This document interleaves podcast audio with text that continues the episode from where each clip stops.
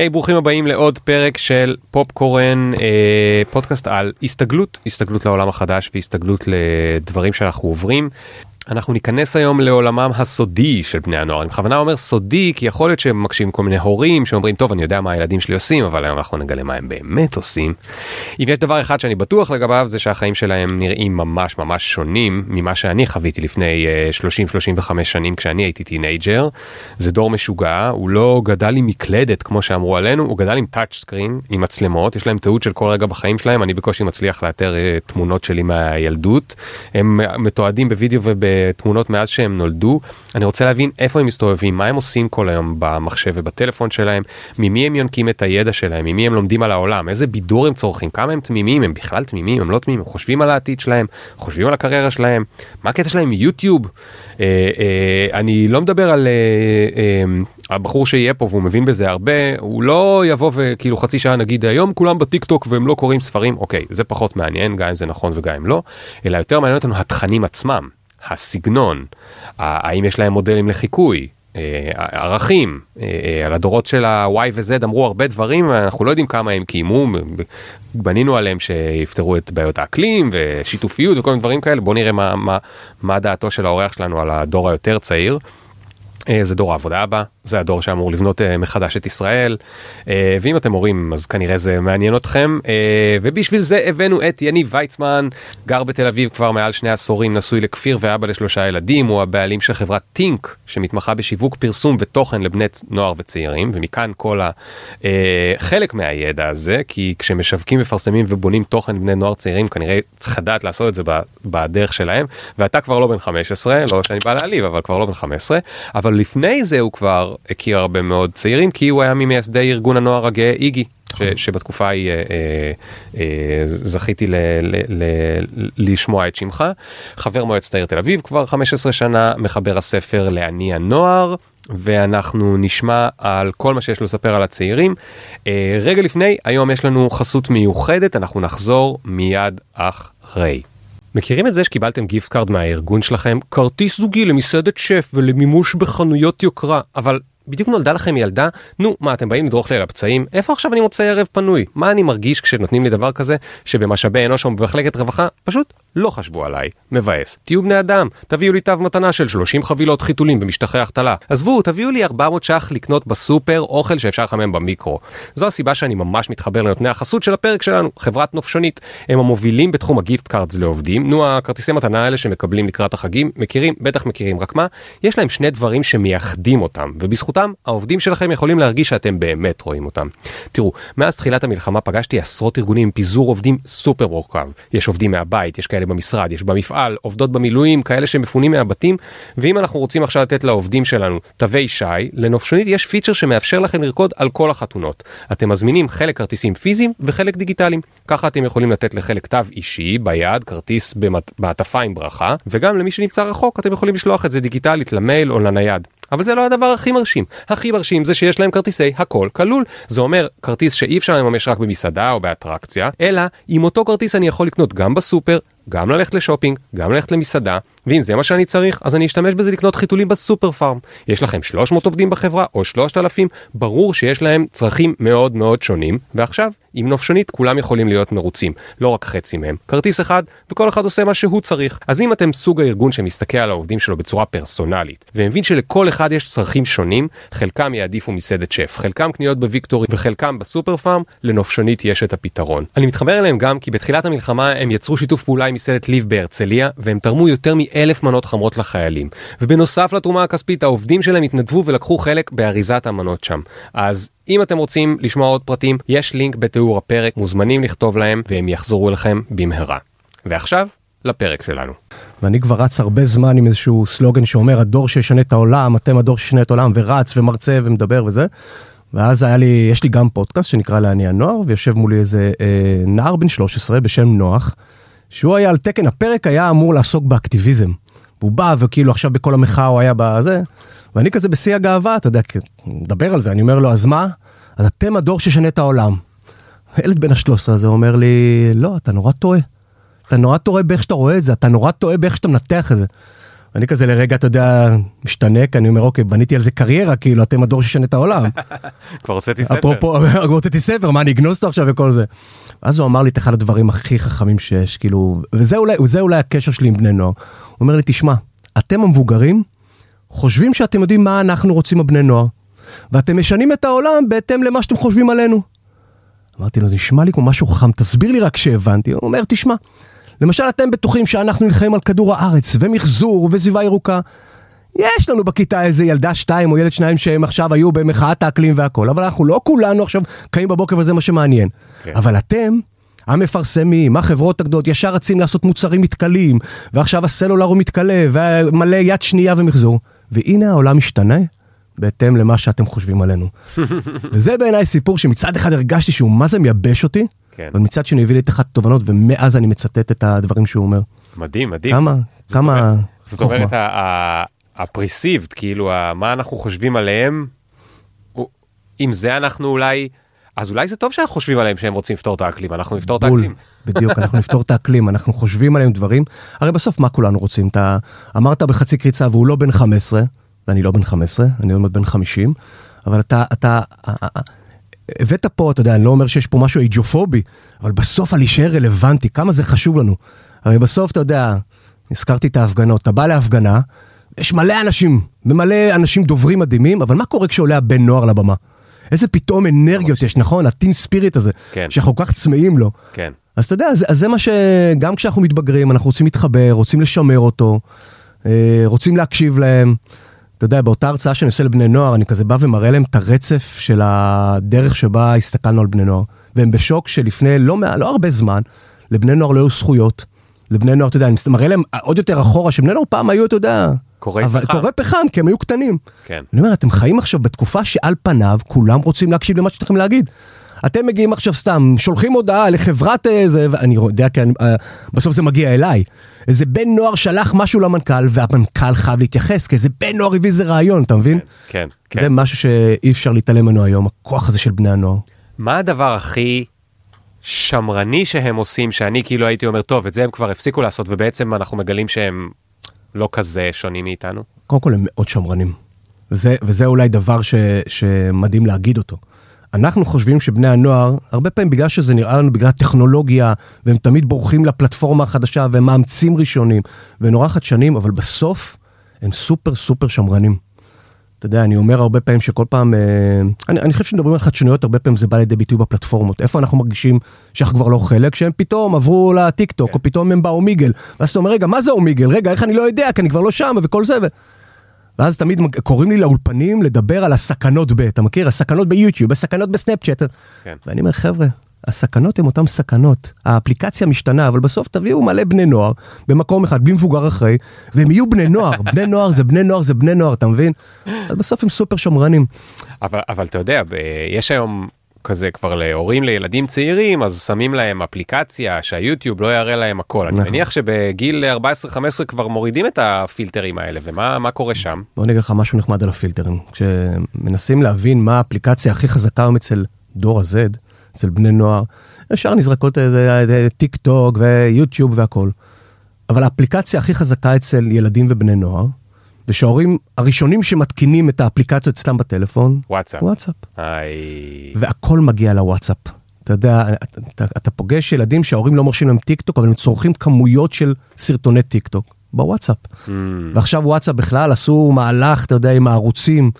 כאן חינוכית השיקו עכשיו ערוץ בוואטסאפ, ותוך כמה חודשים, שלושה חודשים, יש להם 130 אלף ילדים. וואו. ילדים, כל הבני שמונה, שבע, שיש להם וואטסאפ, והם אצלם בערוץ.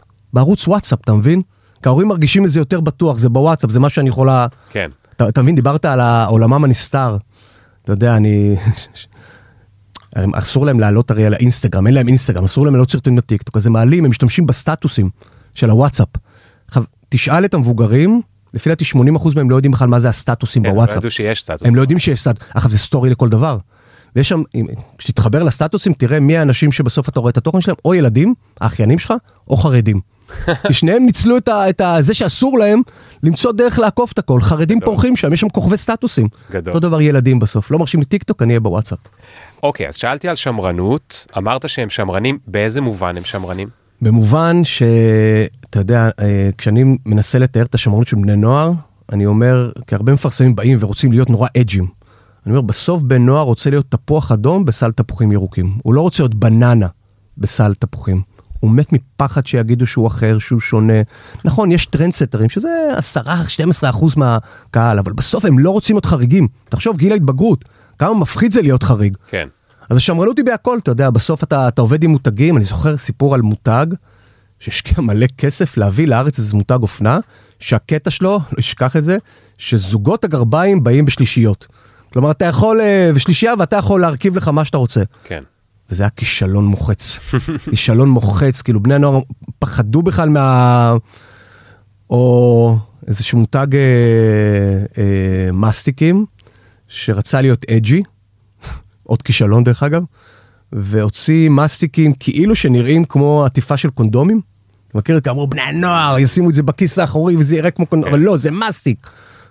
ובני הנוער קטלו את זה ואתה יודע, והתפתחו מזה. כן, כן, מבין? כן. זה, זה, זה הטריקיות עם בני נוער, אתה מנסה להיכנס לראש שלהם, אז איך, אז איך אתה נכנס לראש שלהם באמת?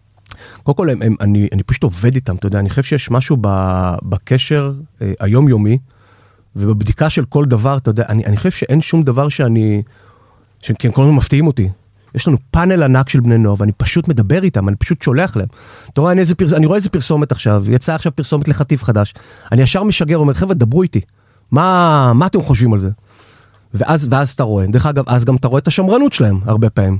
כי, במ- כי אנחנו מפרסמים, רוצים תמיד להיות, לחשוב איך זה בני כן, נוער. שונה, שונה. כן, שונה שונה. מה, מה אתה כן מגלה שיש להם בערכים? כאילו, אתה לא חייב לתת את הרשימה השלמה, כי לא הכנתי אותך בזה, אבל אתה יודע, אם אתה צריך לזרוק אחד, שניים, שלושה ערכים חזקים שיש בימינו. כן. אז קודם כל זה גם, גם הדבר הזה של ערכים הוא, הוא משתנה. למשל, כל הנושא של משפחתיות וערך המשפחה, הוא נמצא במגמת עלייה כבר עשור. אפרופו מפרסמים שפעם היו לועגים להורים כדי להגיע לבני נוער, היום זה לא עובד. להורה, אתה מדבר עם הבן נוער, הוא מעריץ את אבא שלו, הוא החבר הכי טוב של אימא, יש שם קשר משפחתי. וואו. מתחז... כן, לגמרי. כאילו זה... דור ה-X והמילניאלס שגידלו אותם, אה, נגיד אה, שהאבא, אני לא אומר בהכללה, אבל ביותר בממוצע, האבא הוא לאו דווקא בבית, הוא לאו נכון. דווקא זה, הוא יודע בשבת לעשות איתך כיף, אבל אולי לקחת אותך לכדורגל וזה, אבל הוא לא מגדל משותף, אז עכשיו נגיד הם כבר שני דורות שבהם אבא הוא הרבה יותר. מחובר, בממוצע, ברור, לא כולם, נכון. ואז אני גם חבר טוב שלו. נכון. אמא היא לא רק, אה, אמא עושה סנדוויצ'ים, אמא היא גם בול. עושה כיף איתך, היא גם עושה איתך חוויות, היא הולכת ממש. איתך לדברים כ... ממש, תראה כאילו- אותנו, תראה איזה הורים אנחנו נהיה, אתה יודע. כן. דרך- עם פער דורות, עם פער בפער דורות, אתה יודע, אני, אבא שלי אה, אה, מרוק, נולד במרוקו ואימא שלי בפ- בפולין, והם עדיין לא היו כמו סבא וסבתא שלי, הם ידעו את השפה, אבל עדיין הרגשתי תמיד, אתה יודע, שהייתי מגיע למשפחה, הרגשתי כן. את ה... היום זה הרבה יותר בעולם הדיגיטלי, אתה יודע, כמה זה בולט שה... שההורים הם מהגרים דיגיטליים, אבל כמה הם מתאמצים כן להיות חלק מהדבר הזה, וכמה לפעמים גם הילדים עוזרים להם להיות בדבר הזה. אז זה דבר אחד שאני רואה, מעניין. הערך אה, של משפחתיות. כבד את אביך ואימך חזר בגדול. קבל חזר וואו. בגדול. אפרופו, אתה הרמת לי להנחתה איך אני מכבד אביך ואת אמך, אבל כאילו במקום הזה של דת. אתה יודע, בסוף, ופה יש אה, מה שנקרא סובב ומסובב, אתה יודע, היחס לדת. אה, שהוא לא מתנגש דרך אגב עם ערכים אחרים, כי בא לי להגיד ליברליות, ואני רואה למשל כמי ששותף במהפכה הגאה, בטח ב- בארגון הנוער הגאה, אתה יודע כמה הנוער היום, התפיסות שלהם הרבה יותר ליברליות, קבלת השונה, האחר. ואתה אומר איך זה יכול לחיות עם זה שלמשל כל ערכי היהדות הם, הם מתחזקים. ואתה רואה את זה בטיק טוק. ל- לנו זה כאילו יוצר איזשהו דיסוננס, כן. אצלם זה לא. אנחנו רואים את הליברליות שמתחזקת, דרך אגב, זו תחרות קשה, אבל אנחנו רואים גם את ערכי היהדות שמתחזקים. מעניין. אנחנו רואים פתאום, דרך אגב, עשינו, היה לנו כנס נורא גדול, והעליתי על הבמה פאנל של בני נוער, מכל הסוגים, מכל המינים, ושאלתי, תגידו, דוכני התפילין האלו, מחוץ לבתי הספר, מה עמדתכם? מה, מה אתם אומרים? כולם הרימו את היד שהם בעד. אתה יודע, זה. מדהים, כולם הרימו את היד. שהם בעד. אפילו כששאלתי דוכן של איגי, החבר'ה הדתיים הרימו כזה יד שקשה להם עם זה, כי זה נוגד את אמונתם. אבל דוכני תפילין, גם הנערה שהייתה מקיבוץ וגם הנער, כולם הרימו זה. אתה יודע, בסוף, אתה שואל אותי איך אני יודע מה קורה עם בני נוער, אני פשוט, היום הכל נגיש. היום מספיק שהיום תיכנס לטיק טוק שלי, וה For You שלי נראה כמו טיק טוק של בן נוער. כי, כי, אני, כי אני עוקב אחרי המשפיענים שלהם, ואני עוקב אחרי העולמות תוכן שלהם, ותוך שנייה אני מבין עולמות ש, שקורים ב, ב, אצלם, כלומר טרנדים. כמו שלמשל בקורונה פתאום היו מורי טיק טוק, זה היה טרנד נורא גדול. דני בולר כאלו, פתאום מורים הפכו להיות כוכבי טיק טוק, הבנת? את הצורך של בני נוער לידע. כן. הרי מי דמיין שאחרי מורה, בשיעור לא עוקבים אחריו, כן. אז בטיק טוק יהיו לו 200 אלף עוקבים? מטורף. כן, כן. ועכשיו אני רואה את זה למשל עם אה, רופאים, אחיות שנכנסות לטיק טוק, ומדברות על, על, בעיקר על בריאות הנפש. ואתה רואה פתאום בני נוער צורכים תוכן שקשור וואו. לבריאות הנפש ולחרדות, ואתה אומר, או, ולכדורים, ואתה מבין, אוקיי, זה נושא שמעניין אותם. אז רגע, אתם בטינק, אתם גם, אתם גם מייצרים תוכן, נכון? אוקיי, אז, אז יש לי שאלה בנ- בנושא הזה. הרגע סיפרת על אה, מורה דני, אה, דני הזה שהוא אחלה, ועל אה, רופאים ואחיות, זה נכון. נשמע משהו שבסך הכל חינוכי וטוב, אבל אנחנו יודעים שבאותה הקלות יכול להיות שם גם מישהו בן 21 או 22, ש... כבר מלמד לעשות את מה שהוא עוד לא הספיק ללמוד לעשות בעצמו. זאת אומרת, יש גם איזושהי תחושה שהתקצרה הדרך בין הרגע שבו אני 20 או 30 שנה עוסק במשהו, לבין הזמן שבו אני רוצה ללמד על זה. עכשיו, אני לאו דווקא מתנגד, כאילו, אה, אתה יכול להתנגד לזה דרך אגב. אני לא אני אני מתנגד אבל אני מנסה לרכך את ההתנגדות שלי אני לא חושב שדווקא הוכחנו שזה שמישהו עשה משהו 30 שנה גרם לו להיות מורה יותר טוב או אין לו בעיות אחרות באיך שהוא מלמד כי הוא פחות נגיש אז יש גם יתרונות לזה אבל יש את התופעה הזאת של המשפיענות הזאת אמרנו גדלו עם אה, אייפד ביד גדלו עם סמארטפון כן. הם גם גדלו עם משפיענות זאת אומרת נכון. יש הבת שלי אני שמתי לה מול אה, אה, אה, וידאו היא בת ארבע וחצי. והיא הקליטה משהו, היא עושה משהו בנייר, והיא הקליטה אותו כאילו שהיא יוטיוברית. עכשיו, היא באמת ראתה שלוש פעמים בחיים שלה יוטיוב. כן. אבל אני לא יודע להסביר משהו, משהו גורם לזה, אני לא יודע, אני לא יודע מה גורם לזה, זה כאילו בא לה בטבעיות, אני אומר, מה יהיה איתה בגיל 15? היא כבר, ת- היא תגיד אני פורשת. דרך אגב, אני אגיד לך מה היית בגיל 15, ת- תחזור לזה, אוקיי. ואני אנסה לעזור לך, כי דיברת על התופעות של משפיענים, ו- ואני אני מציע לך הסתכלות טיפה אחרת. כי על פניו, הנטייה שלנו היא להגיד, "מ- מי שמו? כאילו, מי זה הבן אדם הזה שמחלק עצות, ואתה יודע, הוא בן 21, מחלק עצות ללעשות כסף, או עצות לאורח חיים בריא, או עצות ללא יודע מה. אתה יודע, איפה, איפה, איפה הניסיון בחיים? וההסתכלות שלי היא אחרת, אני אומר, אני מזהה פה צמא נורא גדול של בני הנוער למנטורים. ואז אני אומר, אוקיי, למה אין להם מנטורים? למה אין היום מספיק דמויות, ואני מסתכל על מערכת החינוך, שיודעת להתייחס אל בן הנוער לא כמחנך, לא כהסברה, לא כזה, אלא פשוט מישהו שהולך איתו יד ביד. וזה מה שקורה. אז איפה הם מוצאים את זה? הם מוצאים את זה באונליין, הם מוצאים את זה ברשת. ואז אני מסתכל על התופעה כתופעה. אתה מבין? ובסוף אני אומר, אם הם כל כך צמאים למנטורים, בואו נראה איך אפשר להשתלב בצורך הזה. אז זה דבר אחד. אה, ואתה יודע, אני מכבד את האנשים האלו, כי בסוף, הרי, אתה יודע, זה כמו רייטינג. אתה אומר, למה הבן אדם הזה יש לו כל כך הרבה אנשים שצורכים את התוכן שלו וזה לא? מה יש בדבר הזה? אתה יודע, יש עכשיו, למשל, הנה, אתן לך, בשבוע האחרון הטיק טוק מתפוצץ. מתפוצץ מאיזה בחור, אני אפילו לא זוכר את שמו, שתוך שבוע כמות העוקבים שלו עלתה ל-100 אלף. עכשיו, כל מה שהבחור הזה עושה, הוא לוקח סרטונים ש... story time, אתה מכיר מה זה סרטוני story time? זה ש- תזכיר למי שלא מכיר. משפיען שפותח את הטלפון ואומר story time, כלומר אני אספר לכם עכשיו סיפור, תוך כדי אני אבשל, תוך כדי אני זה, לרוב זה סיפורים של עשר דקות, שהוא מספר story time, איך תפסתי את החבר שלי זה, story time, איך אה, הגעתי לאודישן וזה. עכשיו כל מה שהוא עשה, הוא לקח את ההתחלה שלהם, כי יש בטיקטוק אפשרות, ואחרי זה אמר בש, בשני משפטים story time, היא בסוף אה, הלכה לאודישן ונכשלה. חסכתי לכם שבע דקות. אה. זה מה שהוא עושה. TLDR כזה. הוא מקצר להם את הדבר הזה, ובני נוער עפים על זה, אתה יודע, על המקום הזה. אז אתה אומר, וואו, אז, אז אתה יכול להסתכל על הבחור הזה ולהגיד, טוב, מה המצאת פה, מה זה? מצד שני, אתה לוקח את בני הנוער שהם הם חיים בעידן כל כך מהיר וכל כך זה, שאם פתאום מישהו מאמלק להם את הדבר, במקום שהם יראו אחרי שבע דקות, הוא בא וקיצר להם, אז אתה מבין את, ה, את ההלך רוח. לגבי הבת שלך, כן. או, היא תהיה בת 15. או. אני חושב שכל הזמן העולם מאזן את עצמו. אני היום כשאני מגיע בתפיסה שלנו, אתה אומר היא בת ארבע וחצי והיא כאילו מתנהגת כמו יוטיוברית, אני חושב שהסיכוי שהיא תהיה קריאייטורית יוצרת תוכן הוא קלוש. אמ, היום כשאני מגיע לבתי ספר, אני עושה המון מפגשים עם בני נוער והכל, ואני שואל, תגידו, מי העלה סטורי היום? מי העלה סרטון טיק טוק? ידיים בודדות. אנחנו כמבוגרים בטוחים שהם כל היום מייצרים תוכן, אבל הם לא מייצרים תוכן. כן. הם נורא נורא פסיביים בדבר הזה. ככה שאני יכול להמר מבחינת אחוזים שכנראה הדור הבא, דור האלפא, הבת שלך, דרך אגב, בגלל דברים שאנחנו לימדנו על פרטיות, ויש להם המון המון מחסומי בושה. אתה יודע שכרגע בת 14 וחצי היא פחות מתמודדת עם זה. כן. אבל אתה רואה באיזשהו גיל, ארבע וחצי, כן. ארבע וחצי, באיזשהו גיל, אתה יודע, הבושה הורגת אותם. כן. ובסוף אני, אני פוגש חבר'ה סופר יצירתיים שלא מעלים תוכן כי הם מפחדים. כן. אז לפי דעתי תהיה פה איזושהי תגובת נגד, כלומר אתה תראה דור שכמעט ולא ייצר תוכן, הוא יהיה מאוד פסיבי, דרך אגב זה ישפיע על החיים האמיתיים. זה הדבר שמדאיג אותי קצת אולי. מה זאת אומרת? אתה יודע, כשאתה רגיל לצרוך תוכן פסיבי, אתה כל הזמן גולל ואתה כאילו לא, אתה לא מעורב. יכול להיות שההסתכלות על העולם תהיה פסיבית, כלומר המקום הזה של מה אני יכול להשפיע, אני מסתכל על העולם במעין אורח כזה, מעין תייר.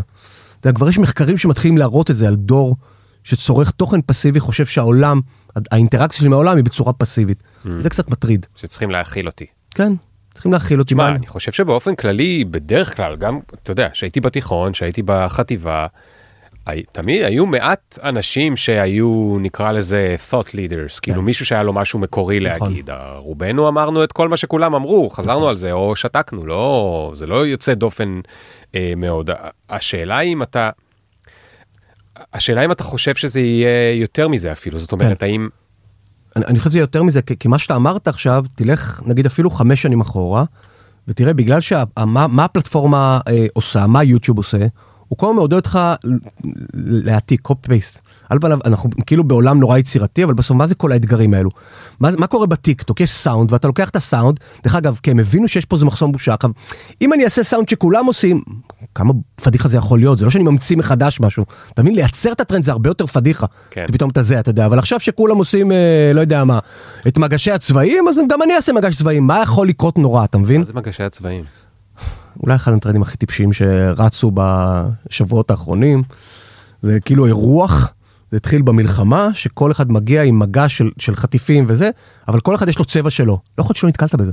זה הגיע לארץ... אה, יכול להיות, יכול להיות. שיכול להיות, אתה יודע. אני בבועה אחרת לגמרי. אז אז פתאום מישהו מגיע עם מגש, כל אחד מקבל צבע, ואחד המגש שלו חייב להיות רק מוצרים ירוקים, ואחד רק מוצרים כתומים, ואחד רק מוצרים צהובים, ויש אלפי סרטונים, זה הגיע גם כמובן למבוגרים, תמיד מתחיל אצל בני הנוער, מגיע למבוגרים, כן, כאילו, כן. מגיעים עם מגשים בצבעים שונים. כן. אגב, במובן הזה אני, אני דווקא כן אוהב את הרשתות החברתיות, יש לי הרבה דברים רעים להגיד עליהם, אבל במובן הזה אני אוהב את הרשתות החברתיות, כי אני חושב שהם, מה שאמרת שזה הגיע למבוגרים, הם קצת משטיחות את העניין של ה... זה אני גם, כשאני מתעסק בעולם העבודה, אז הרבה פעמים אומר איך לנהל מילניאלס, איך לנהל דור הזה, איך זה, וכשבסוף אתה מדבר על מוטיבציות של עובדים, או על איך הם תופסים את מקום העבודה שלהם היום, בניגוד לאיך תפסו את זה ב-80's וב-90's, אתה מגלה שגם כשאני מדבר לחבר'ה בני 50 כאילו על המילניאלס ואז אני אומר להם.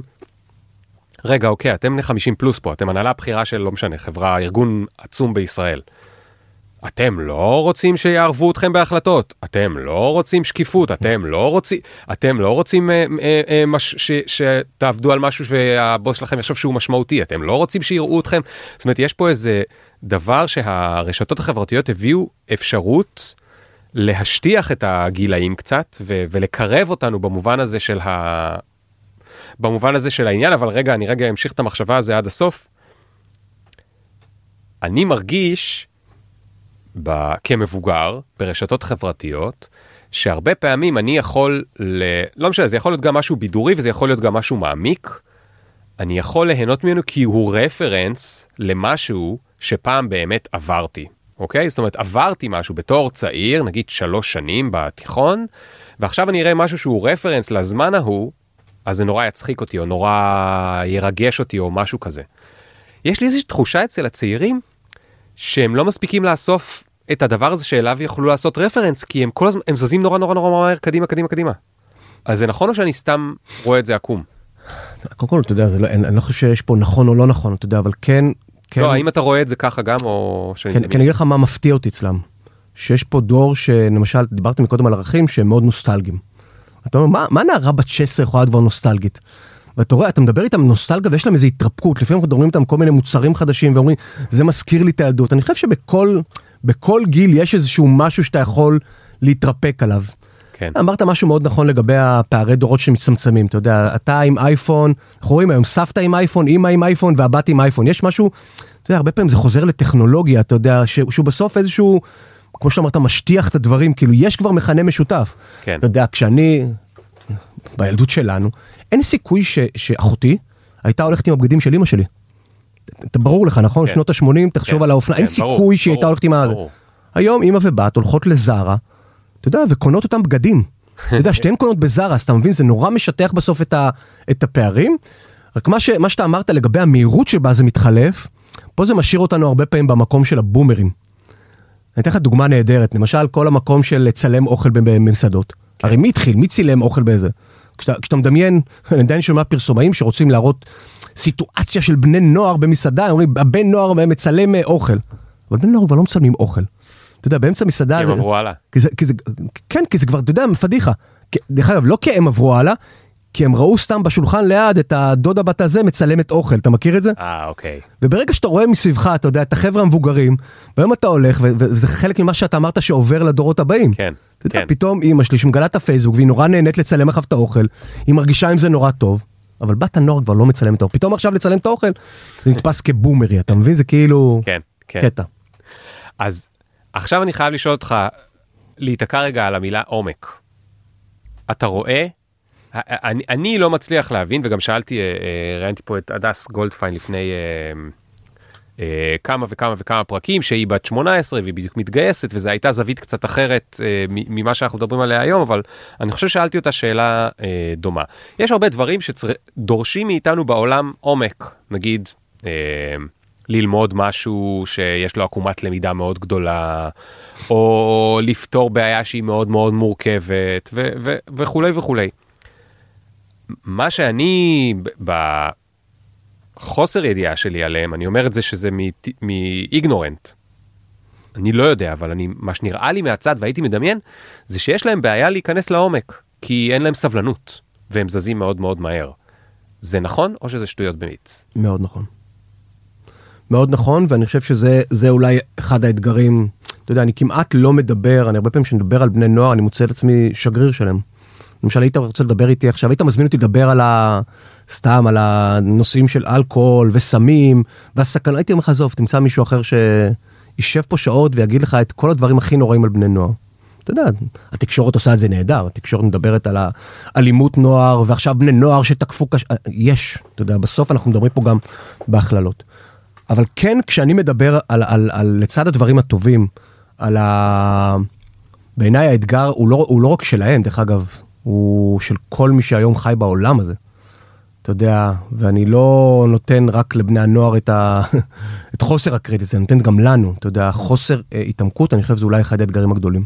תראה מה אנחנו מתמודדים עכשיו, למשל, מדינת ישראל נכנסה למלחמה, והיינו בטוחים שכולם יאהבו אותנו, ופתאום גילינו שכל הצעירים בעולם, בעיקר בארצות הברית, מאוד שונאים אותנו.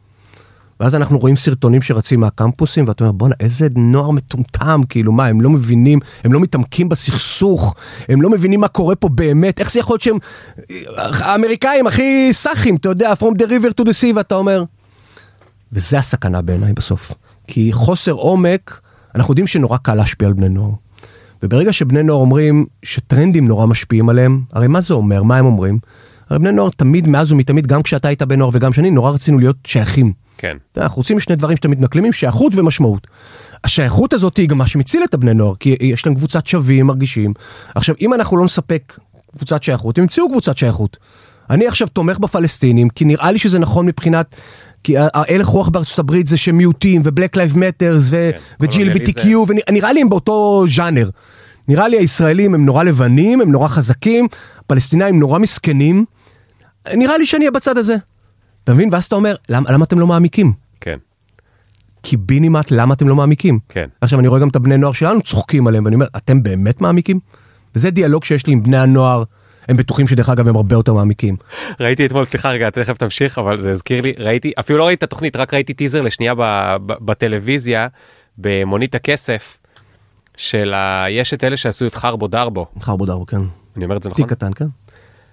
אז הוא שואל אותם, מה פירוש הביטוי חרבו דרבו? לא ואז רואים אותם ככה, ורואים עליהם שהם לא יודעים, וזה היה הטיזר, טיזר מעולה בטלוויזיה. אני מתבייש שאני, כאילו הטלוויזיה הייתה פתוחה, כי זה של בומרים, אבל, אבל זה כאילו קצת אה, ממצה את הדבר הזה. הם שרים את זה, אתה מבין? הם שרים על זה והם זה, וכאילו, ושיר מצליח, ושיר מדהים, אבל למה שאני רגע אכנס לבדוק מה זה אומר הביטוי הזה? כן, אם אתה שר את זה. זה מה שאמרתי לך על ה copy paste. אתה עושה מה שנקרא, כן. אתה מצטרף, מה שאתה אומר, אתה כאילו טרנד, עדר וכל זה. זה חלק... אבל אתה יודע, ציפיתי שתגיד לי, mm-hmm. כאילו, אני מנסה עדיין ל- ל- להציל את, את, הכב... את, כבודם. הכבוד, את כבודם, ציפיתי שתגיד לי, תשמע, כשהם רואים משהו שהם אוהבים, אתה תראה אותם שם שוקעים שעות וימים ולילות ולא יצאו. מהחדר. אה, אוקיי, וזה ההמשך. אוקיי. כי בסוף אני תמיד, מה, אני חוזר לנקודת המבט שלי, וא', דרך אגב, את העניין של העומק, גם הם אומרים. כלומר, אני הרבה פעמים מצ- משתמש במה שהם אומרים, כלומר, הם מדברים על, ה, על הדבר הזה שלפעמים הם מוצאים את עצמם, עושים דברים שהם לא מבינים ושטחיים והכל. כן. אבל אז הם אומרים משהו שהוא מדהים, וממש עשיתי מהלך שלם על הדבר הזה, להבין, כי הם אומרים, כשיש מה שיעניין אותי, זה, זה קצת כמו אנשים עם הפרעות קשב, הרי יש פה דור עם הפרעות קשב. כן. אתה מכיר את זה שאתה לוקח את הרטלין, ואז זה נורא מפקס אותך למשהו מסוים, אני עושה עכשיו משהו כזה. אז אתה יודע, יש פה דור עם הפרעות קשב, כן. יש פה דור שאנחנו לא הצלחנו להתאים, אתה יודע, את הדרך שבה אנחנו מל- מלמדים אותם. אתה יודע, בסוף זה לא מתאים. ואז אתה יודע, ת, ת- תראה את המהירות שבה הדברים uh, קורים, תראה מה קורה בבית ספר והכל. ואז מה שאתה אומר הוא מאוד נכון. הם טוענים שכשיש משהו מעניין אותם, אז הם יודעים להתפקס. מה זה מה שמעניין אותם? למשל, העולם של אה, אנשים שיוצרי תוכן. אתה רואה אותם הופכים להיות מומחים ביצירת תוכן. אתה רואה אותם, דרך אגב, גם... סתם, ניתן דוגמה, פנה אליי איזה בחור צעיר עכשיו לפני הכנס ואמר, אני אוהב את מה שאתה עושה, אני רוצה לבוא בחינם, לצלם את ההרצאות שלך, לערוך אותם, לעשות זה. עכשיו, אני בדברים האלה ישר אומר כן. כן, בוא, נראה מה אתה זה. מה, הוא שלח לי, בדרך לפה ראיתי, אני הייתי בהלם. אתה יודע, בחור צעיר שש... אתה יודע, ואני רואה אותו, הוא לקח שבוע לעבוד בזה ולהתעמק בזה, ו... כן. ויש לו reason, והוא חושב על העתיד שלו, אתה יודע, כן, כן, איזה. כן. אז כן, האמת איפשהו באמצע, אתה יודע, כאילו... והפרויקט based learning, יאללה שיגיע. ראיתי. רעיון עם מישהי בשם אה, ג'ני הויוס. אתה יודע מי זו? לא? יש איזה, אני, אני חושב שזה, ככה אומרים את השם שלה לפחות. יש ביוטיוב יוטיוב שורטס. נכון. שורטס זה, אני, אני לא מסביר לך, אתה ברור שאתה יודע. זה- אני מסביר לבומרים חבריי שמקשיבים. אה, היי צעירים אנחנו אוהבים גם אתכם אבל הבומרים שמקשיבים יוטיוב שורטס זה כמו אינסטגרם רילס זה כמו טיק טוק זה וידאוים. קצרים עד דקה אגב שזה אפילו יותר מעצבן מטיק טוק וזה שכבר אפשר לעשות וידאוים ארוכים עד דקה של וידאו.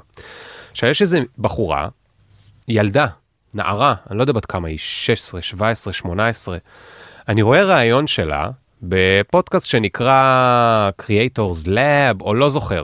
זה בחור שהוא כמונו הוא בגילנו איפשהו שם בין 40 ל-50. הוא לוקח את זה שהוא קריאייטור ברצינות הוא עושה על הכל פודקאסטים אה, זה. והוא כאילו הוא קורא לזה לאב כאילו הוא הולך לבחון את המדע של הדברים והוא נכנס לדברים נורא נורא לעומק והוא עושה מחקרים מאוד גדולים. ותמיד כשאני קורא את זה ואני רואה את זה אני אומר טוב זה בשביל אנשים כמוני הצעירים לא, לא יהיה להם סבלנות בשבילם. ואז הוא עשה ראיון איתה.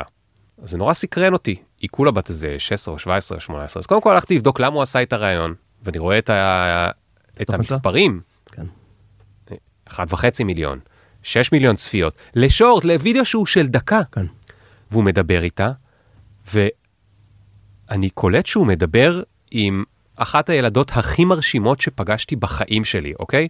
אני, זה לא המקצוע שלי, אבל כמשתלב במה שאני עושה ביום יום, אני יוצר תוכן מלא. ברור. זה הספרים, הפודקאסט הזה. לא, אבל אתה זה... יוצר תוכן. נכון, אבל זה כאילו לא המקצוע שלי, או לפחות אני לא תופס את זה אתה לא ככה. תופס את זה כמקצוע שלך. אבל אני, אני עוסק בזה הרבה, ואני לומד על זה הרבה, ואני קורא על זה ספרים, ואני שומע על זה פודקאסטים, ואני זה, ו...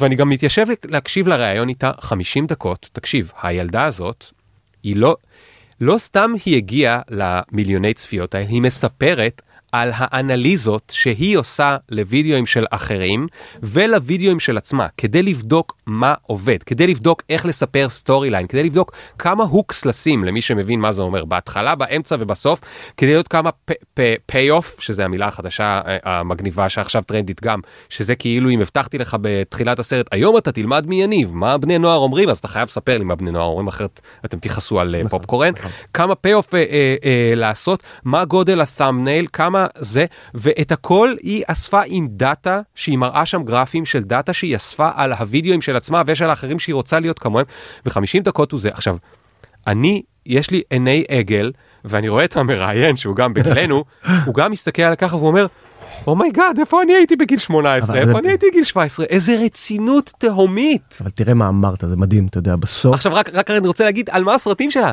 זה לא, יש אחת אחרת שאני לא זוכר את שמה שהיא מדהימה והיא מספרת על דברים במדע. וכאילו אוקיי, היא מישהי בת איזה 20 שמספרת על מכניקת הקוונטים ואתה אומר וואו, פיצח. ההיא שעושה את הסרטונים האלה, עושה סרטון על איך היא בחיים לא היה לה כסף לקנות לאימא שלה מתנה ליום המשפחה, ובסוף הסרטון היא מביאה לה את המתנה ואימא שלה מחליקה בטעות במטבח וזה נופל ונשבר לה, אוקיי? זה סרטון כאילו על, על משהו מפגר, אבל לא מדובר פה בבחורה מפגרת, מדובר פה, סליחה על המפגר זה לא ביטוי טוב, לא מדובר פה בבחורה עם אינטליגנציה נמוכה, מדובר בבחורה מדהימה ורצינית. בחורה קודם כל שפיצחה את האלגוריתם. ובסוף זה ההבדל, מה שאמרתי, התחלתי להגיד לך מקודם על, ה, על ה, להיות דיגיטל נייטיב, לבין להיות אה, מהגר דיגיטלי. אתה יודע, אני ואתה, עם כמה שנדבר פה וזה, אנחנו מהגרים דיגיטליים. לא נדע, דרך אגב, כשאני לפעמים מדבר עם בני הנוער ואני אומר, כשאני גדלתי במושב בצרה, ולא היה לי סמארטפון ולא היה אינטרנט, הם, הם כאילו הם בשוק, כי מבחינתם זה נשמע כמו עידן, עידן הקרח. כאילו דינוזאור, אבל לא נראה להם דינוזאור. אתה יודע, נראה להם כזה מישהו כזה שאתה יודע, הם לא יודעים לתת גילאים, אתה יודע, אבל נראה להם 30, נראה להם מבוגר, אתה יודע, אבל כאילו, הם, הם בשוק מהדבר הזה. ובסוף כשהם נולדים לדבר הזה, בטח אם עכשיו אנשים, אתה מתעסק איתם באנשים שמייצרים תוכן, אז הם יודעים את מה שעומד מאחוריו, הם מכירים את ה analytics, הם מכירים איך אתה, איך אתה עושה כסף, אתה, יודע, אתה, אתה אמרת כמה פעמים את המילה thumbnail. בהנחה שכל מי שומע אותנו יודע מה זה thumbnail. תסביר רגע. Thumbnail זה כאילו תורה בפני עצמה. רגע, רק תסביר מה זה thumbnail. כן, כן, thumbnail זה בסוף ה image שאתה רואה ואמור למשוך אותך להיכנס לסרטון. יש מאחורי הטאבנייל הזה, התמונה שאתה בוחר מתוך הסרטון, כל כך הרבה משמעויות. עכשיו, אתה, אתה מדבר עם, עם, עם ילדים ועם בני נוער, והם יגידו לך מה עובד, מה לא עובד, למה זה עובד, למה הם יראו בזווית, אתה יודע, זה כאילו... אתה דיברת על, בפתיח שלך על דור נורא צלים. אתה יודע, בסוף אתה, אתה בא לצלם עכשיו, למשל, תעשה סלפי עם איזה בת נוער, היא תכווין אותך לסלפי המדויק. הסלפי המדויק, שאתה יודע, כמה אנחנו הצטלמנו שהיינו בני נוער, בוא. כן. היא יודעת בדיוק איזה זווית צריך לצלם, היא יודעת באיזה יד להחזיק והכל. הם יודעים איך העולם הזה בנוי, זה הנייטיביות שלהם. כן. ושלא משנה כמה אנחנו נלמד וכמה שנעמיק, בגלל זה אני, אני בא לכל שיחה עם בן נוער בהמון צניעות. כי אני בא ואתה יודע, נורא קשה לי לבוא ולהגיד לכם, אתם דור לא מעמיק. כי יכול להיות שהם מעמיקים, אתה יודע, כמו שאמרו, דור שלא קורא ספרים, אבל הם קוראים המון, לא ספרים. אתה יודע, אתה, בסוף סופר מילים שהם קוראים, הם צורכים עליהם מלא תוכן. כן. יכול להיות שהתוכן שהם צורכים שונה מהתוכן שאנחנו צורכים. כן. הדרך שלהם לצרוך ידע, הרי מה הסיפור של דני בולר, שהזכרנו אותו פעמים קודם, למה יש עכשיו כל כך הרבה בני נוער שעוקבים? אתה יודע, זה מדבר על איזשהו רצון לצרוך ידע. רק כנראה אנחנו כבר לא יודעים איך להנגיש להם את הידע הזה. כן, כן, אז הם רואים את זה בווידאו, זה לא, בעיניי זה לא נחות מספר, זה בכלל לא משנה. זאת אומרת. בווידאו אפשר להגיד מילים חכמות ומילים דיביליות, וגם בספר אפשר להגיד מילים חכמות ומילים דיביליות. אתה יודע, עכשיו, עכשיו, אפרופו המגמות, אתה דיברת על שורטס, הרי בסוף זה מלחמת ענקים. למה, למה פתאום היה דחוף ליוטיוב לעשות שורטס? הרי זה לא שהם אמרו... איבדו קהל. איבדו קהל. דרך אגב, טיק טוק הודיעו לפני שבוע, שהם עכשיו, אה, אה, מש, אה, האלגוריתם הולך לעזור ולקדם את מי שמעלה סרטונים רוחביים. טיק טוק, אני קראתי את הידיעה שפתנה, אמרתי, מה? רוחביים כאילו רוחביים. כאילו כמו... למה טיק טוק עכשיו מקדם את האלגוריתם יקדם אותך אם תעלה תוכן רוחבי? הם ראו ש... כי צופים בו יותר זמן? בדיוק. נכון, כי שזה על הרוחב אני לא יכול לעשות את ה scroll. בול. תראה איך הכל בסוף מתחבר ל... כן. והצפיית שיותר זמן, אתה יודע, היוטיוברים מדבר איתם, הם יגידו, אבל הם יגידו לך, נכון, שורטס, התחלנו לעשות שורטס, אבל הוולוגים שלנו הפכו להיות הרבה יותר ארוכים. אנחנו רואים שזמן הצפייה הגיע לחצי שעה 40 דקות. דבר עם עידן תלם, דבר עם יולו ספקטור, דבר עם האנשים האלה, הם יגידו לך, אנחנו מעלים תוכן של 40 דקות. והדור הזה, בעיקר הילדים שביוטיוב, היוטיוב זה גילים טיפה יותר צעירים. יוטיוב זה 10, זה 9, ההורים מרגישים יותר בנוח לתת להם לצפות יוטיוב, אה, אוקיי. מאשר טיק טוק דרך אגב. כן. אז הילדים נמצאים שם, צופים שם בתכנים. אתה יודע, 10, 11, 12, הם נורא חזק ביוטיוב. והנה פתאום יש כבר מישהו שמרגיל אותם לצפות בתוכן יותר ארוך. כן. אז אתה תראה שעוד, אתה תראה כמה שנים את האפקט של זה. כן. והנה פתאום טיק טוק עושים תוכן רוחבי. בקיצור, כן. העולם הוא כך דינמי, זה די מדהים. תשמע, כש... אני הרגשתי ב...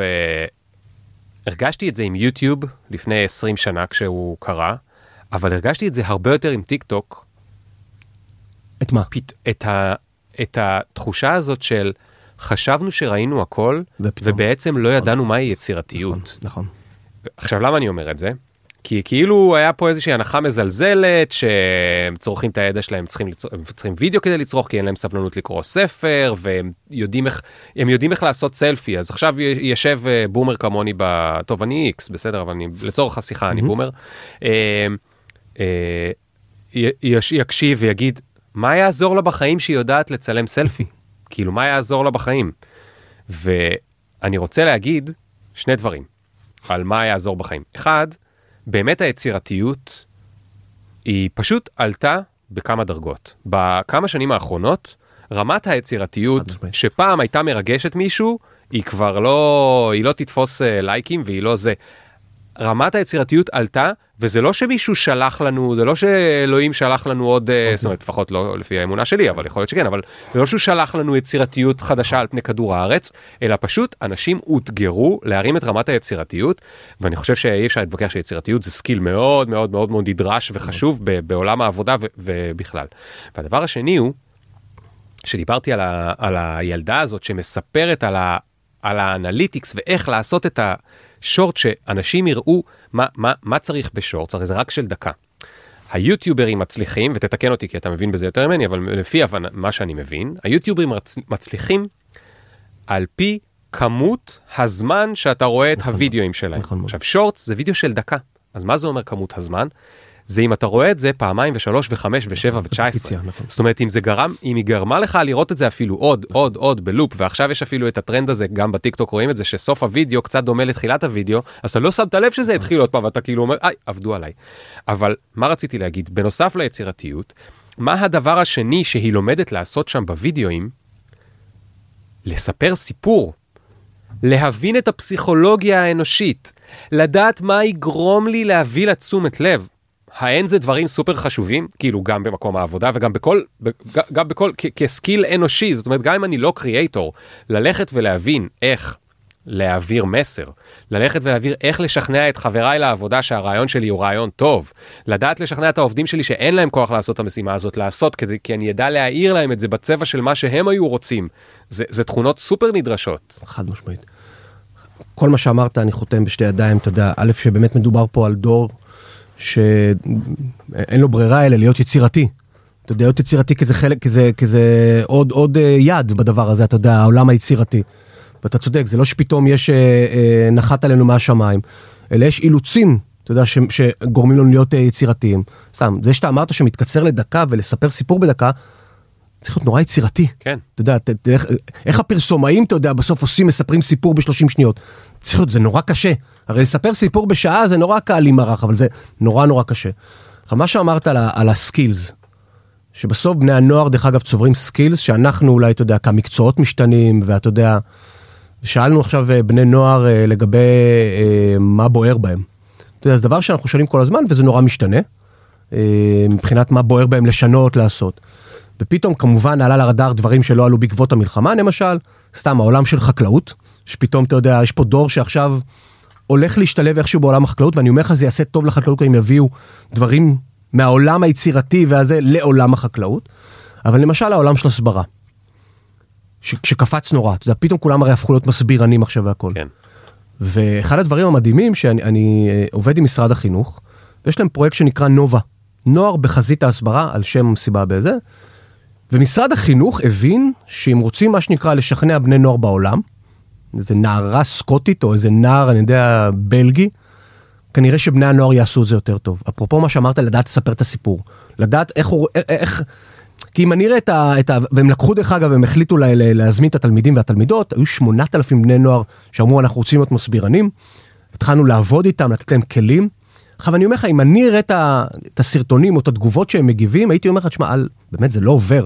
אם עכשיו משרד החוץ או משרד ההסברה היה צריך כן, לעשות את זה. כן. אבל, אבל זה עובר את, ה, את, ה, את המערכת יחסים הזאת. כן. זה עובר את הצד השני, הצד השני מבין מה רוצים ממנו.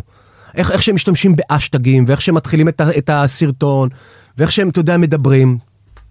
כן. יש להם skills שלנו אין. אתה יודע, אה, אחד הדיונים הלא נעימים על ההסברה, זה ש- ש- שאנחנו כאילו, שאנחנו מסבירים. שכחנו, ששכחנו להיות שם במשחק הרבה מאוד שנים. ו, ומספרים נגיד על החמאס, שהוא היה ב Roblox. ה- המשחק הזה, צריך רגע להסביר למי שלא מכיר. כן, מה, רשת מה? משחקים. דרך אגב, זה לא רק ב Roblox, כאילו בכמעט כל משחק הם ידעו להשתלב, אתה יודע. לא, אז, אז רק תסביר שנייה מה זה Roblox, נראה לי שאתה תדע להסביר זה, יותר טוב ממני. זה משחקים בעצם שהשחקן יכול ליצור לעצמו. כן, עכשיו, ברגע שאתה מאפשר, כמו Minecraft. כמו Minecraft, כן. גם Minecraft דרך אגב גילינו שפתאום יש שם טביעות אצבע של, של אה, אה, החמאס. כן. יודע, אז לפני כמה שנים כבר ב Roblox, הילדים שלכם אולי היו בתוך המשחק, בדיוק, וראו את זה. לעצמם איזה. והיה שם את ההפגנה של החמאס. בול, הפגנה של חמאס בתוך, אה, זה מדהים. אז, אז בכל מקום שבה אתה, אתה ה creator, אתה יכול לשנות את המשחק, אז מישהו שם היה לזהות את זה, ומישהו היה שם לשנות את זה. עכשיו, זה שינוי תודעה. כן. זה בסוף המקום, הרי בכלל כל עולם ה gaming, אתה יודע, הוא, הוא דבר מופלא בעיניי. אתה יודע, אפרופו skills. הרי גם על ה gaming אמרו, טוב, זה משחית את הנוער וזה, אבל בסוף יש פה דור שיודע אנגלית יותר טוב, יודע כן. מה שנקרא דברים שאנחנו לא ידענו. כן. או, או כמו למשל בכלל, כל העולם של משא ומתן, דברים. אז, אז, אז, אז נורא תלוי, כל הזמן אני אומר, יש טרנד בטיקטוק שנקרא POV, סרטוני POV. שאני משתמש בזה הרבה, זה בשבילי כ... אני לא אומר שאני אנתרופולוג, אבל אתה יודע, אני מסתכל עליהם בעיניים אנתרופולוגיות, סרטוני POV האלו באים ואומרים, point of view, היא מראה איך החיים מהעיניים שלה. ואתה מבין פתאום איך הם רואים את המציאות. אתה כבר לא צריך מה שנקרא לשבת ולחקור, היא מראה לך, הוא מראה לך הכל שם. ואז ה-POV שלהם על איך שהם רואים בכלל את המלחמה. אתה יודע, זה מדהים, אני, אני... אנחנו כמה? אנחנו ארבעה חודשים בתוך המלחמה. כן. אתה יודע, ואני בשבעה באוקטובר תפסתי את הראש ואמרתי, אוקיי, מי נמצא שם? ראיתי את כל הסרטוני זוועה בטיקטוק, בטלגרם. אמרתי, מי, אני, אני יודע שאין שם מבוגר אחראי שעכשיו מושיב את הילד ואומר, תשמע, מה שאתה רואה עכשיו, אני יודע שאין את זה. כן. אני יודע שלא היה. ואז אחרי הסרטונים האלו הגיעו סרטוני מלחמה, אתה יודע, יש פה דור שחווה מלחמה ב live. ואז הגיעו סרטוני אנטישמיות. אתה יודע, דור שלמד על אנטישמיות, מה, מה אנחנו ידענו אנטישמיות? קראנו את זה בספרי, ב- ב- בהיסטוריה, ב- בשיעור. כן. מה ידענו מה זה אנטישמיות? מדי פעם היה מקרה שמישהו הלך עם כובע ואמרו לך בש- בטיול השנתי, לא, כובע של אה, זה, בטיול לפולין. הם חווים את זה עכשיו, מה שנקרא, in your face במקום הזה. כן. אה, רגע, רציתי להגיד משהו. לא, ואז אני אומר, כאילו, האם, אתה דיברת על סקילס, האם המערכת יודעת לתת סקילס למשל להתמודד עם הדברים האלה? אתה יודע, זה כמו ש, שאני תמיד מספר שעבדתי במרכז לנפגעות ונפגעי תקיפה מינית, אתה יודע, אה, אה, דיברתי עם בני כיתות ז'-ח', הייתי צריך לדבר איתם על מיניות, הייתי מדריך. זה כמו לפתוח סיר לחץ, אתה מדבר עם כיתות ז'-ח' על מיניות, אתה יודע, זה כאילו הפורנו, אני מדבר איתך לפני 20 ומשהו שנה, הוא מתפוצץ לך בפנים. ואז באתי ואמרתי, חבר'ה, מישהו צריך לדבר איתם על זה, מישהו צריך לתת להם כלים לצפייה ביקורתית בפורנו. אוריינות שלום, דיגיטלית לפורנו. שלום יניב, והנה הדלת, תודה רבה, נתראה עוד שנה, כאילו, באמת, מי עכשיו יקשיב לי ויגה, אתה יודע, אבל המקומות האלו שבסוף, אתה יודע, you can't beat them, you know, אתה- כן. אתה- אתה חייב להבין את. כן, כן. הסקילס משתנים. אתה יודע מה, את- את- את- אני רגע אחבר כמה דברים שדיברנו עליהם. אני תוהה לעצמי, ושוב, סליחה שאני בא מהמקום השופט והזה, אבל דווקא נחמד לי המשחק הזה, אתה תגן עליהם ואני אה, אהיה הבומר. בגלל הסיפור הזה של הטרנדים והחוסר סבלנות, מלחמה שנמשכת ארבעה חודשים, טוב. אני מפחד שהם, שזה ישעמם להם, וזהו, הם יעברו הלאה. דרך אגב, כבר, כבר, אתה רואה המהירות שבה, ודרך אגב, ואולי זה טוב שכך. אתה יודע, אני הרבה פעמים אומרים שיש משהו, אני אומר, אה, יש משהו בילדים ובני נוער, נגיד בכלל במלחמה, אנחנו מרגישים את זה, ש... שהוא קצת העוגן להחזיר אותנו ל- לאיזושהי שגרה. הרי בסוף סתם, אתה אבא לילדה, נכון? ואתה בדיכאון ומלחמה ואתה החברים שלך וחס וחלילה וזה. כן. אבל בסוף כשאתה עכשיו עם הילדה שלך והיא רוצה ללכת לא משנה מה. לצייר. ג'ימבורי, לצייר, אתה חוזר לאיזושהי מציאות שהיא מאלצת אותך להיות במציאות שהיא אחרת. כן, כן. אז, אז אני אומר זה אולי התפקיד שלהם של אותם ילדים ובני נוער וטוב שהם לא שקועים עכשיו במלחמה וטוב שזה משעמם אותם ומי שלא רואים אותי אני עושה מירכאות טוב שמשעמם אותם אחרת אתה יודע היו היינו שוקעים יחד איתם הם מאלצים אותם הילדים שלנו בני הנוער אתה יודע אפילו במ- ב- הם מנוע כלכלי כי בסוף הם כבר רוצים ללכת לקניון לקנות ג'ינס חדש. דבר עם מבוגרים למי יש ראש רחב לקניות אני בדיכאון מה לקנות עכשיו אבל מה לעשות. בת כן. 14 רוצה ג'ינס חדש. כן. כי החיים שלה המשיכו. היא מגיעה לבית ספר והיא רוצה ג'ינס חדש. היא רוצה את ה- את האר ג'ורדן, הח- הם רוצים את זה. אז, אז גם כמנוע להחזיר את המשק לאיזושהי צמיחה, אני חושב שזה הרבה בידיים של בני הנוער. מדהים. בייחוד אה, בארץ יש לנו יותר צעירים, אז דווקא זה טוב. זה- תגיד, אגב, זה. מה עם אה, מודלים לחיקוי? מי המודלים לחיקוי שלהם? כאילו אצלנו זה היה, אתה יודע, זה היה ג'ורדן, כאילו הוא היה די, מייקל ג'קסון עד שגילינו מה הוא עשה, ואז כבר אה, אה, נשאר רק באוכלוסייה מאוד ספציפית, אבל מי, מי המודלים לחיקוי שלהם? יש להם? כאילו הם, הם כמונו במובן הזה, יש מישהו שהם 20 שנה או 10 שנים או שנה שלמה יחשבו שהוא ה, או ההיא ה... אני אגיד לך כמה דברים על זה. קודם כל, יש משבר מאוד גדול ב... על מי להסתכל. אתה יודע, משבר מנהיגות. דרך אגב, סיפרתי לך על, ה- על, ה- על ההורים, אז אני חושב שזה זה חי ביחד. זה שפתאום אני מעריצה את אבא שלי, כי חסר לי דמויות באמת אה, להעריץ. עכשיו, למה זה קרה? למה יש היעדר מנהיגות? קודם כל, אתה יודע, אנחנו בעידן של היעדר מנהיגות. אתה יודע, תלויה בכיתה תמונה של נשיא המדינה, תמונה, אתה יודע, היום הם, הם ראו הכל, נשיא מדינה שהולך לכלא וההוא מואשם, הם, הם חשופים להכל. אז כאילו גם הדבר הבסיסי הזה, אתה יודע, של אנשים שאמורים להיות מנהיגים, אני עוד לא, לא מדבר לך על כוכבי רשת, אני מדבר כרגע על מנהיגות בבייסיק, הלכה לאיבוד. אז זה דבר אחד. ואז כשאני מגיע לעולם של סלבים, ואתה מדבר עם בני נוער, אומרים לא, אנחנו לא מעריצים אף אחד, ויכול להיות שהם מאוד מעריכים מישהו, יכול להיות שהם מאוד אוהבים, אבל אתה יודע, כשאתה דיברת מקודם על מייקל ג'קסון ועל ג'ורדן, היה משהו בלתי מושג בהם. כן. נכון? כן. המקסימום שיכולת כדי לגעת בכוכב זה לקנות, שיהיה לך את הפוסטר אמצע של מעריב לנוער, כן. או ללכת להופעה, משהו כזה. היום, אתה יודע, הכל נגיש. הם רואים, דרך העולם שלהם נורא פתוח.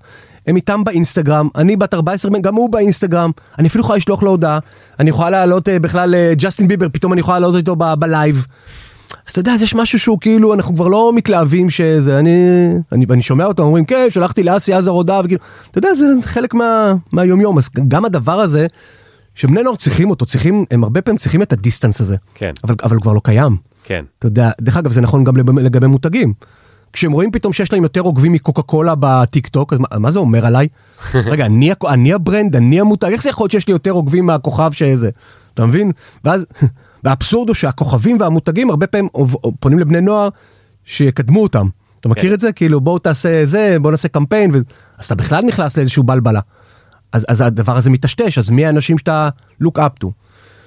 אני חושב ש, שהייתי מחליף אולי את המילה הערצה בהערכה, כי הם נורא מעריכים אנשים ש, שמקדמים איזשהו משהו, או שעובדים קשה. הם נורא אוהבים את נועה קירל כי היא עובדת קשה, אני שומע את הבני נוער שאני שומע. השירים שלה, זה שהשירים שלה סבבה והכל אחלה, אבל הם כאילו נורא מעריכים אותה, כי היא עובדת קשה. לצד, לצד אה, נועה קירל, אתה יודע, אנשים כמו מאיה דגן כזאת מהטיק טוק, לא מאיה דגן השחקנית, שלקחה אג'נדה של body pride, של, אתה יודע, היא אישה, היא, לא יודע אם תכעס אם אני אגיד שהיא אישה, היא בחורה, מלאה, והיא מדברת על זה. היא מדברת על, על, והיא נותנת כוח לנשים צעירות ולנערות להיות שלמות עם איך שהן. אז הן נורא, נורא מעריכות אותה על זה, על המקום הזה. לצד אה, אביתר, שהוא בכלל אה, טורטניק. אפרופו, נדבר הרבה על, ה, על, ה, על הבריאות נפש. כמה היום היא, היא שיח מטורף בקרב בני נוער. אז מי כיף לשמוע. מה? ממש. כיף לשמוע. למשל, אני, אני לא, לא חושב שאנחנו, ב, כשהיינו בני נוער, ידענו מה זה טורט. אם הייתי עושה סקר בכיתה, לא לא? ידעתי מה זה טורט. לא, אני יודע איפה למדתי על טורט, באלי מקביל. מה אתה אומר? נכון. זוכר שבסדרה היה מישהו. עם טורט, ואז... אה, אז, אז היום הם לומדים על זה מהטיק טוק. כן, אין, אין להם, אתה יודע, את הזה. דרך אגב, הרבה פעמים הייצוגים האלו, פסטיגל, סדרות נוער, רואות מה קורה ב, ב, ברשת החברתית, ואומרים, אוקיי, בוא נשים בפסטיגל עכשיו מישהו שמן, בוא נשים בפסטיגל מישהו על כיסא גלגלים. כן. ששם זה, אתה יודע, כאילו האלי מקביל שאתה אתה אמרת. כן. אז הטורטניקים עשו עבודה מדהימה, דרך אגב, טורטניקים, טרנסים, בטיק טוק, פתאום אתה אומר, וואו, זה כאילו... והם עושים את העבודה, וככה הם נשמע נפלא, ומוב- וזה אחלה segue לשאלה הבאה של הסיפור עם ה-woke והפרוגרסיב. כי הרי אה, אנחנו חיים באמת בעולם שבו גם טראנס יכול להיות, או נכון. היא, או הם, יכולים להיות כוכב.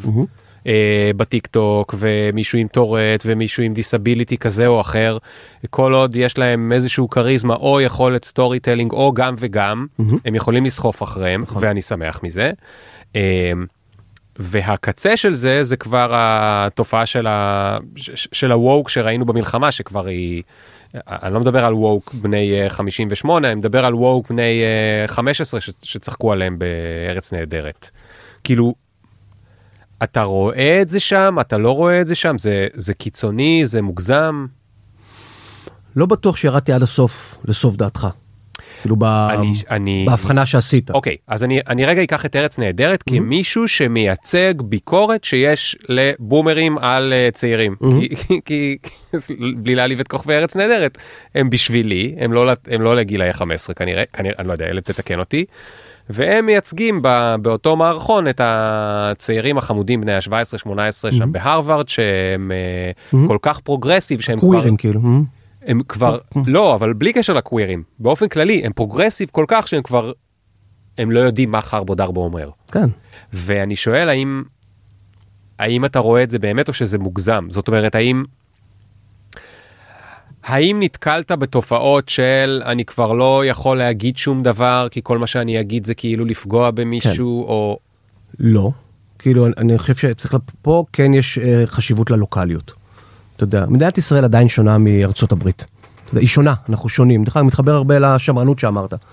מה שתיארת מקודם ומה שהראו בארץ נהדרת זה איזשהו התחושה הזאת שיש פרוגרסיביות מטורללת אבל כאילו זה הדברים שכאילו נורא קל להגיד זו פרוגרסיביות מטורללת הרי איך זה יכול להיות שהקווירים. אתה יודע ש, שאני דרך אגב עשר שנים החזקתי את תיק התיירות בעיריית תל אביב ואתה יודע והיינו היינו אהובים. הקהילה הגאה בעולם ראתה בישראל כ, כמגדלור במזרח התיכון. הם ידעו שמסביבנו אם אתה הומו יוציאו אותך להורג לא משנה אם זה בעזה או בלבנון או בסוריה ולכן הקהילה מאוד חיבקה את ישראל. ונורא הייתי גאה בזה. כן. אז אתה בא ואתה אומר, איך זה יכול להיות שאותם, עכשיו זה אנשים שאני מכיר. עכשיו, איך זה יכול להיות שאותם אנשים עכשיו, פתאום באים ותופסים צד אחר? אתה מבין? אז אתה יכול, אתה יכול לקרוא לזה פרוגרסיביות מטוללת, אבל אני חושב שיש שם איזשהו בלבול. אבל אתה יכול להסתכל על זה גם ממקום אחר. אתה יודע, המקום הזה שבאמת, אתה יודע, אנחנו החזקים בסיפור הזה. כן. אנחנו, נורא קשה להסביר את מה שאנחנו עושים. אתה יודע, גם מול החברים שלנו בזה, ובסוף הם רואים את, ה, את העולם הזה של מיינורת, של, של מיעוטים, הם רואים את זה בצורה יותר מתקדמת מאיתנו. אתה מבין? ב, ב... אני, אני גם חושב ש, שעולם התקשורת הוא, הוא היום מאוד מוטה. אתה מסכים איתי שהיום מה שאתה רואה ומה שאני רואה כנראה בטלוויזיה או בכל מקום אחר שאנחנו צורכים, הוא שונה ממה שמקומות אחרים רואים? ועד שלא נבין את זה, אתה יודע, אנחנו כנראה לא נבין את התמונה המלאה. כן. כמו שהיה בזמנו אז את הביקורת של כאילו למה לא מראים מה קורה בעזה. אנחנו לא יודעים מה קורה בעזה. בני הנוער שלנו לא יודעים מה קורה בעזה. בני הנוער שלנו, אנחנו מדברים על... בעזה הכוונה היא בשבר והזה הגדול, לא רק מה החיילים עושים, ברור. זה רואים. חיילים עושים, אנחנו רואים. כמה מחבלים הרגנו, אנחנו רואים. מה חם, אנחנו רואים. אבל אתה יודע, יש שם עוד סיפור. מישהו בחר לספר את הסיפור הזה. עכשיו, או שכן או שלא. עכשיו, מה זה מייצר? זה מייצר פה דור דרך כמו שאתה אמרת, על הפרוגרסיביות המתולדת שרואה את זה במקום אחד. בסוף הנוער פה, אתה יודע, היו, היו כמה מקרי אלימות כלפי מורים. שהעיזו להגיד שמה קורה עם הילדים בעזה. לא יודע אם ראית את המקרים האלו. עכשיו, עכשיו מאיפה זה נובע? למה פתאום כיתה שלמה באה ומתפרעת? ואתה יודע, אתה יכול לתפוס אותו ולהגיד וואלה הנוער, אבל מישהו מזין את הדבר הזה. מישהו מזין את הדבר הזה, אני רואה את זה, אני רואה את זה ברשת החברתית. כן. אתה יודע, זה נשמע להם לא הגיוני שהמורה תבוא ותגיד חבר'ה בואו שניה נדבר על הילדים בעזה. חרבו דרבו. אתה מבין? זה המקום הזה, זה... אה, כן, מאוד כן. מורכב, אתה יודע. טוב, טוב, ש... אנחנו נסחפנו לנושא הכי אה, אה, קשוח. הוא מאוד אני, קשוח. אז אני רק, אה, אה, לקראת הסיום, אני רוצה רגע להקליל. יאללה, בוא נקליל. אתה, כבן אדם מבוגר, יש לך אה, ילדה אחת, שתיים? יש לי שלושה ילדים. שלושה ילדים, mm-hmm. אוקיי. היית רוצה שהם יהיו יוטיוברים? אני יודע שזו שאלה מסובכת בשבילך, כן. כי אתה, יש לך, אתם, אתם הרי עובדים יוטיוברים בטח נכון. בטינק. אה, אני, אני חושב שכן, בהינתן שאני המבוגר אחראי שידע ללוות אותם. ואתה יודע, היעדרות של, של אה, מבוגר אחראי בחיים של יוצרי תוכן, מביאה לזה שאני כבר רואה היום את הדור הראשון של יוצרי התוכן, כמה אומללים הם. אתה יודע, יש שמות, אני לא יודע מה הם יגידו לך בכלל, סער קליזו, אנשים שגיא טבעי אה, יוצרי תוכן ענקיים. אין ילד שלא מכיר את השמות האלו. והם עשו, אתה יודע, היו חיים בתוך הרשת ונעלמו. והם נעלמו כי, כי בסוף, אתה יודע, זה היה גדול עליהם. כן. אתה יודע, הם קרסו לתוך עצמם. אני חושב שעם התובנות שיש לי היום, נגיד שילדה שלי תגיד שהיא רוצה ליצור תוכן, והתובנות שיש לי היום, אפרופו צפייה ביקורתית בפורנו, לדעת להסתכל על הדברים האלו מכל האמת של זה. כי בסוף מה, אתה, אתה מעלה תוכן, הרי זה כישורים נהדרים לייצר תוכן, אבל מה עם התגובות? ואיך את מתמודדת עם, עם אנשים שאומרים לך דברים מעליבים? ופה, ברגע שיש מעטפת, אז אני אגיד לך... ועם זה שהאלגוריתם הוא ימשיך להעניק לך רק אם את תעלי כל יום, כל יום, כל יום, כל יום, ועכשיו את רוצה חודש... ותדעי שיום אחד זה ייגמר. כן. אבל מישהו צריך להגיד להם את זה, אתה יודע. כן. היום אני מוצא את עצמי אומר את זה לאותם יוצרי תוכן שאני פוגש, כן. מישהו צריך להגיד להם את זה. כן. האמת שזה משמח אותי שסיפרת על הדוגמאות האלה, כמובן לא הכרתי את השם שלהם, אבל שהם היו הם כבשו את הרשת. נכון.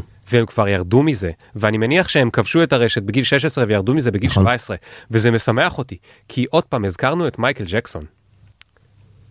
בעולם של פעם שהיה הרבה פחות שקוף, הרבה פחות מודע, הרבה פחות יוטיובי, כדי שמישהו יבין שעשו לו דברים לא סבבה, שהוא יבין שניצלו את הכוכבות שלו בצורה מטורפת וגרמו לו להיות הרבה יותר כוכב וסלב ממה שאולי כנראה הוא היה רוצה להיות בתור ילד.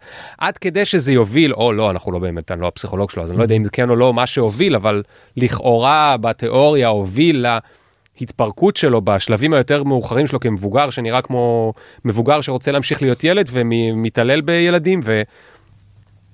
ודיברנו על קיצור התהליכים, אז פה זה דווקא משהו שמאוד משמח. כן. אני יכול לראות באמת אה, יוצרי תוכן פתאום בגיל 22, והוא כותב I quit, נמאס לי לעלות כל יום לזה, זה לא עושה לי טוב, אני לא יכול לפתח ככה זוגיות, זה, ואני אומר כאילו איזה יופי, פ, כאילו בדור שלנו היה צריך להגיע למשבר גיל ה-70, גיל ה-50, כדי להגיע למסקנות האלה, הוא הגיע למסקנה הזאת שנה אחרי שהוא התחיל. נכון, תוך כדי שדיברנו, היה לי טלפון מרז ספני, הוא אחד מאותם יוצרים. שהוא, שהוא עשה את הקוויט, הוא אמר, אני, יש לי המון כישרון, אני אהיה יוצר תוכן, אני אהיה מאחורי המצלמה, אתה יודע, הוא עשה את התהליך הזה של המעבר, הוא התארס ביום שבת, אפרופו ההתבגרות ומקום מאוד... אה, מאוד איך קוראים לו שוב? רז ספני.